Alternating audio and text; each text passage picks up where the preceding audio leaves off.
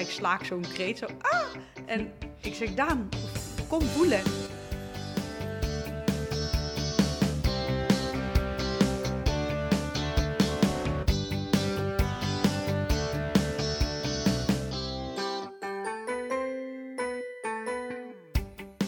Welkom bij week 13 van jouw zwangerschapsweek, de podcast van 24baby.nl. Samen met de zwangere Diede, verloskundige maagdje Roos van 24baby, loods ik je door je zwangerschap heen. Mijn naam is René van Eteren, podcastmaker en zelf ook moeder van een baby en een peuter. In week 13 is je baby zo groot als een perzik en zo zwaar als een plakje kaas, of zo licht. Maar hoe zit het nou met jouw gewicht en hoe belangrijk is dat nou eigenlijk? Kijk, gaat een buik ontzettend hard groeien, dan wil ik ook wel weten van... hé, hey, is die mevrouw ook fors aangekomen? Want hè, zou die mevrouw misschien zwangerschapssuikerziekte kunnen ontwikkelen? Verder hebben we het over zwangerschapsglow, sporten en het hartje van je baby. Is dat al te horen? Ik ben heel erg benieuwd hoe dat, eh, hoe dat moment gaat zijn. Genoeg te bespreken dus, maar ik wil je eerst nog even vertellen... dat deze aflevering mede mogelijk gemaakt wordt door Babypark. Ben je al begonnen met shoppen voor je kindje? Bij Babypark krijg je deskundig en persoonlijk advies over grote aankopen, zoals de babykamer bijvoorbeeld of de kinderwagen, terwijl je ondertussen makkelijk je hele baby-uitzet bij elkaar winkelt. Met megastores verspreid door heel het land zit er altijd een babypark bij jou in de buurt. Zo weet je zeker dat jouw kindje straks niks tekort komt. Week 13. Welkom allemaal. Het is een ongeluksgetal, maar misschien voelt het voor sommige vrouwen wel als een heel fijn getal, want dit is het begin van het tweede trimester. Tada, einde kwalen, alles komt goed. Ja, Licht aan het eind van de tunnel. meer energie, yes. Voel jij al een verandering daarin? Ja, ja, ik heb wel wat meer energie. Ik, eh, in het begin kon ik echt, als ik 7,5 uur sliep of, eh, of ja, gewoon minder dan 8, dan eh, voelde ik dat s ochtends vroeg al. En nu ja, heb ik al een twee nachten of zo dat ik wat slechter had, of wat minder heb geslapen. En dan, en dan eh, word ik gewoon wakker en dan kan ik de dag wel redelijk door. Dus eh, nee, dit, dit eh, gaat de goede kant op. Je ziet er ook goed uit. Dank je. Asje. Want ehm maartje, tweede trimester, wat kunnen vrouwen ervan verwachten?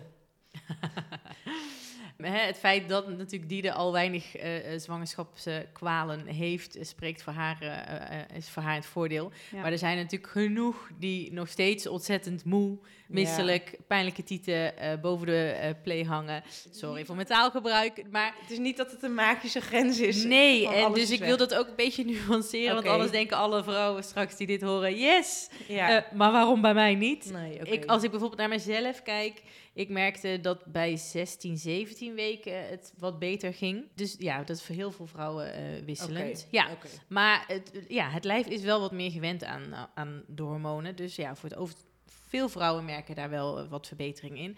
Wat daarnaast ook weer heel veel onrust veroorzaakt. Want ben ik nog wel zwanger Oh, als ja. mijn symptomen afnemen? Ik kijk Ja. meteen even naar Roos. Jij kijkt voor ons elke week wat er in de community allemaal gebeurt. Ja. Eh, zijn vrouwen onze- onzeker als die kwalen dan rondom deze termijn, 12, 13, 14 weken, verdwijnen? Geeft dat een onzeker gevoel? Eh, het geeft nog wel een onzeker gevoel, maar niet zoveel als een paar weken geleden. Toen hebben we het daar ook al even over gehad. Eh, nu zijn vrouwen vooral een beetje be- blij van, van hè, het, het neemt een beetje af. Eh, helaas dus niet bij iedereen, maar mensen krijgen het toch wel een beetje meer energie terug. Kunnen weer een beetje gaan sporten.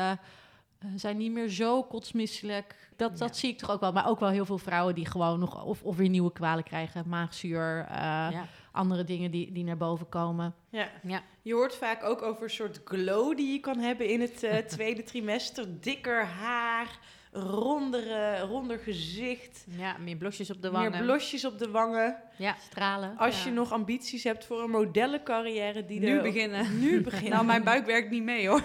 Maar is het waar dat je ergens in het tweede trimester eh, dat veel vrouwen een bepaalde glow hebben of dat, dat ze wat. Nou, wat je zegt, hè, dikke haar, inderdaad, wat meer blosjes op de wangen, een glow. Ja, Hoe komt dat? betere doorbloeding. Oh ja. Je hebt een liter extra eh, eh, bloed in je lijf, eh, dat niet alleen naar die eh, placenta of moederkoek en kind gaat, maar ook door de rest van je lijf. Dus nou ja, dat. Je houdt ook wat meer vet vast. Daar even van uitgaande dat je borstvoeding geeft, dan heb je dat extra vet wat nodig. Eh, dus daardoor krijg je natuurlijk ook een wat meer glow. Eh, je haar valt dan ook hè, minder snel uit, vaak iets meer eh, vet in het haar, eh, waardoor je ehm, Een dikkere bos hebt. een dikkere bos hebt. Ja, ja. Ja, Ehm, merk ik dat. ook. Ja. Ja. Sterkere nagels ook. Mijn nagels groeien ook wel sneller. Ja? En ik heb al best wel wat haar, maar dat, eh, ik eh, ben benieuwd hoe dat er over een paar maanden uitziet. Want eh, het is nu al dat, het, dat ik denk, oh, het wordt steeds meer of Ja. steeds dikker, zeg maar. Ja. Dus dat wordt, eh, jullie gaan mij wel met een hele grote bos haar zien volgens mij aan het eind. Roos, jij noemde net al even dat vrouwen ook schrijven dat ze bijvoorbeeld weer, weer gaan sporten. Diede, jij bent heel sportief van Ja. jezelf. Doe jij nu iets aan sport? Ja, ik heb wel echt in het begin wel weer geprobeerd om eh, te blijven hardlopen. Maar ik ben nogal fanatiekeling. Dus, Mhm. En dat hardlopen gaat, eh, bij mij in ieder geval ging dat echt niet meer eh, vanzelf. Ik, Want snel ik buiten adem. Snel buiten adem. Ja, en toen dacht ik, nou, ja, dan word je gewoon, ik word dan gefrustreerd. Dus ik ben gaan zwemmen. Echt totaal niet iets voor mij, maar ik vind het gewoon helemaal heerlijk. En Daan gaat ook mee. En dit is gewoon een beetje ons momentje op de dag. Want ja, we zitten zo druk met werk en verbouwing dat eh, we niet echt tijd voor elkaar hebben of iets leuks doen samen. Dus dit is echt. Dus jullie gaan baantjes trekken. Wij gaan baantjes trekken, ja. Ja. En da- ook daarin blijk ik toch wel fanatiek en wil ik elke keer meer en meer meters en sneller gaan. Maar weet je, je kan maar zoveel doen binnen een uur in een zwembad. Dus wat dat betreft houdt het mij wel redelijk tegen. In het begin kon ik echt niet twee baantjes op en neer. Dat kon ik al niet. Maar Nee. nu eh, gaat het wel echt goed. Want hoe belangrijk is sporten eigenlijk tijdens een eh, zwangerschap? Eh, vanuit medisch perspectief heel belangrijk. Ik, eh, ik zeg altijd, hè, je, je, bent aan het voor, je bent eigenlijk negen maanden lang een marathon aan het lopen. Want je lijf is, eh, echt, moet in topconditie zijn om natuurlijk een, een kind te maken, dan wel te baren. En dat is de eindsprint. Dus ja, als jij dan denkt, oh, zwanger couch potato, ja, dan gaat het niet heel goed, zeg maar, met die marathon en eindsprint. Maar je hoeft niet van, ik ben een couch potato, ik word ineens een topsporter. Dat is natuurlijk, hè, dat, dat- dat wil je ook niet. Gewoon bewegen, eh, zolang het voor jou goed voelt. Dat is eigenlijk mijn advies aan alle, alle zwangeren. En eh, liep je inderdaad hard en gaat het niet meer omdat je of last krijgt van je banden, want dat is natuurlijk ook veel iets wat je hoort. Los van het buitenadem, ga dan iets anders zoeken. Inderdaad, zwemmen, gewoon stukjes wandelen of ga juist fietsen als wandelen, lopen allemaal niet meer prettig voelt. Maar blijf wel gewoon dagelijks eh, nou, dat half uurtje beweging opzoeken. Ja, er zijn natuurlijk ook speciale clubjes waar je eh, samen met andere zwangeren kan, kan sporten. Genoeg. Buitensporten, binnensporten, in groepsverband, één op één met een personal coach. eh, heel erg op het sporten gericht of juist heel erg gericht op voorbereiding op Sociale. Ja, op het sociale, ja, maar ook heel erg op voorbereiding op die bevalling. Hoe, hoe moet ik dan ademhalen? Hoe moet Ja. ik dan ontspannen? Hoe moet ik dan persen? Eh, dat soort dingetjes. Ja, Bij, eh, bij het zwemmen hebben ze ook een aqua, zwangerschaps, jogging, ik weet niet meer hoe ze het noemen. Maar daar heb je ook aanmalingstechnieken, maar dan ga je ook sporten met elkaar. Ja. Dus ik denk, oh, dat is misschien wel leuk voor mij om te doen. Al weet ik, ja, ik weet niet of het iets voor mij is, maar ik ga het gewoon, ik denk, ik ga het Ja. gewoon doen. Ja. Ja. Ja, en ik- Ja. jij hebt dan weinig last gehad, maar ik denk dat er veel vrouwen zijn die ook de eerste drie maanden gewoon zo ziek zijn, zo moe, zwak en misselijk, dat het Ja. gewoon niet kan. En dan is dit wel een lekker moment om het weer eh, op te Ja. pakken. Nou, ik had natuurlijk. het ook met mijn moeheid hoor, dat ik Ja. er ook echt geen zin in had om Nee. daaraan te beginnen. Maar dat zwemmen ben ik denk ik twee weken geleden mee begonnen. En dat, dat voelde gelijk wel goed, dat ik dacht, oh, je krijg, hier krijg je ook wel energie van. Dus Ja. Ik raad ook wel iedereen aan om wel te blijven bewegen. Ik ben ook heel veel gaan wandelen. Mhm. Dus eh, ja, ik weet niet of dat eh, iets medisch is of dat het iets is om aan te raden. Maar ik- voor mij denk ik van, het geeft je ook wel energie terug. Dus Ja. probeer wel echt Ja. te blijven bewegen. Ik wil het even hebben over lichamelijke veranderingen. Je hebt een eh, mooie jumpsuit aan, dus ik Ja. kan, je, eh, ja, kan, kan niet zo goed zien of er al een buik Nou, is. die, of- die, die broeken die eh, willen, willen mij niet meer hebben, zeg maar. Of ik wil de broeken vooral niet meer hebben. Nee, ik ben, ik ben echt, gisteren ben ik ook echt helemaal losgeslagen op een, een of andere webshop. Ik heb gewoon allemaal broeken gekocht met stretchy banden en die ik lekker los kan dragen. Maar ja, wat ik vooral heel mooi vond, is dat ik gisteren voor het eerst een heel klein bobbeltje voelde onderin. Ik was gewoon een beetje zo aan het voelen en ik denk, ik voel opeens een iets harder bolletje. Ja, een, een heuveltje eigenlijk. Gewoon een iets harder heuveltje was het. Dus ik, huppakee, die, dus ja, ik slaak zo'n kreet zo, ah! En ik zeg, Daan, kom voelen. En hij voelde het dus nog niet zo, want hij wist niet, hij Weet durfde hij het niet. veel. Hij denkt, ik plet de baby. Weet, weet ik veel wat hij allemaal dacht. hij was maar dat dood. zijn Maarten ook altijd. Ja, Ja? nee, ik durf niet te voelen. Nee, straks, straks doe ik de baby pijn. Ja. Ik zei, nee joh, die zit veilig, dat komt goed. En eh, dat, is, dat was twee dagen geleden, dus toen voelde ik het voor het eerst. En vanochtend was het al weer wat groter. Dus ik denk, oh, nou, dat gaat snel. Dus toen heb ik daar nog een keer laten voelen en toen voelde hij wel wat. Dat vond, hij moest wel echt lachen. En ja, ik weet niet, ik ben er gewoon heel blij mee. Dus ik vertel het ook aan veel mensen. Dus Ja. ik denk dat dit het voor heel veel vrouwen wel echt een moment is van... ik ben zwanger. Ja, ja, Ja. ik herken het persoonlijk heel Ja. erg. Ik heb ook echt zo'n moment gehad dat ik in mijn bed lag en dat ik voelde en, eh, en een beetje mijn heupen omhoog bracht en in één keer zo'n bolletje zag. En ik vond het gewoon een heel Ja. bijzonder moment. Het, voor mij was het echt een moment waarop het nog echter werd of zo. Ja. Ja, dat is echt. Ja, daar Ja. ga je echt van glunderen. Dus eh, Ja. ik eh, gun het iedereen toe. Ik zou zeggen, ja, probeer er niet te veel mee Nee, bezig te precies, zijn. want het kan ook Nee. natuurlijk pas over een paar weken dat je zoiets voelt. Ja. Wij zeggen hè, als verloskundige vaak vanaf 12 weken dat de, het, ehm, de baarmoeder boven het schaambordje uitkomt. Dus wij kunnen dat, eh, maar je moet er wel goed naar voelen hoor, bij 12 weken vaak al een beetje voelen. Daarom kunnen we ook bij 12 weken ook al uitwendig naar hartactie eh, luisteren. Eh, gewoon via de buik. Via de buik, want met een doptoon, dus niet meer met een echoapparaat, maar echt met een doptoon. Dat is gewoon zo'n soort staafje eigenlijk, toch? Waarmee je dan over de buik gaat en dan... Ja, ja je houdt hem wel vast op één plek hoor. Als Oké. je te veel beweegt, en Ja, ja. je moet je nog voorstellen hoe groot zo'n kindje is. Ja. En hoe groot zo'n hartje is. Dus je moet er niet te veel mee bewegen op de buik. Mhm. Maar ja, als je eenmaal hartactie hoort, dan uh, dat kan vanaf 12 weken gewoon via de buik. Ja. Uh, dus wij als verloskundigen kunnen ook uh, inderdaad de bovenkant van de baarmoeder voelen. En dat een beetje afhankelijk van nou ja, of je er überhaupt voor gaat liggen. Want je moet het wel in liggende positie doen. En hoe slank je bent, zou je dat inderdaad ook als zwangere zelf kunnen voelen. Uh, Diede, heb jij het hartje al gehoord? Nee, nog niet. Nee. Wil je het graag horen? Of? Ja, dat, ja, heel graag. Ja, ik denk dus uh, dat ik dat binnenkort wel uh, te horen ga krijgen als ik er een keertje langs uh, mag gaan. Maartje, wanneer Ja. is dat meestal? Wat ik al eerder zei, hè, vanaf 12 weken. Ja. En een beetje van afhankelijk in welke regio je zit, hoe vaak je natuurlijk in het begin gezien wordt door je verloskundige. In de meeste regio's is dat een beetje om de vier weken. Dus het kan zijn vanaf Hè, bij 12 weken en dan 16 weken, 20 weken. Ja. Dus je moet nog eventjes wachten Ja. misschien. Ik ben heel erg benieuwd hoe dat, uh, hoe dat moment gaat zijn. ja, het is ook veel belangrijker hoe je je voelt Ja. en uh, dat je geen bloedverlies hebt natuurlijk. Ja. Dan, uh, want ja, ook hartactie luisteren is letterlijk een momentopname. Maar Ja. het is wel bijzonder, zeker. Ja. Nog even over die shopsessie van Diede. Zij heeft dus al flink wat broeken met stretch gekocht. Want nieuw lichaam, nieuwe kleren. Roos ziet dat veel vrouwen rond week 13 best veel bezig zijn met hoeveel ze nu zijn aangekomen. En dat verschilt echt heel erg. Volgens mij is het gemiddelde een beetje 2 kilo.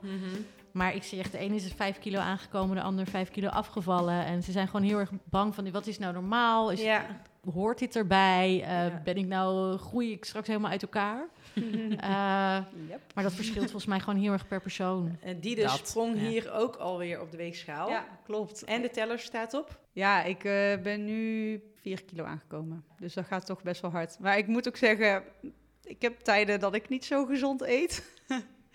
en die heb ik altijd wel. Maar ieder pondje gaat door het mondje. Dat geldt tijdens je zwangerschap eh, wel iets meer. Dus Ja. ik moet echt een beetje gaan opletten. Tenminste, ja, misschien ook wel niet. Ik let er niet zo op. Nee. en eh, misschien zou ook eigenlijk hartstikke gezond. En hoe, want hoe belangrijk is dat gewicht? Eh, jij als verloskundige maatje, let je daar heel erg op? Ja en nee. Ehm, wij willen wel graag een startgewicht eh, eh, hebben, zeg maar, in de, in de zwangerschap. Ehm, en ik laat het een beetje aan de vrouw of ze er elke controle op wil staan of niet.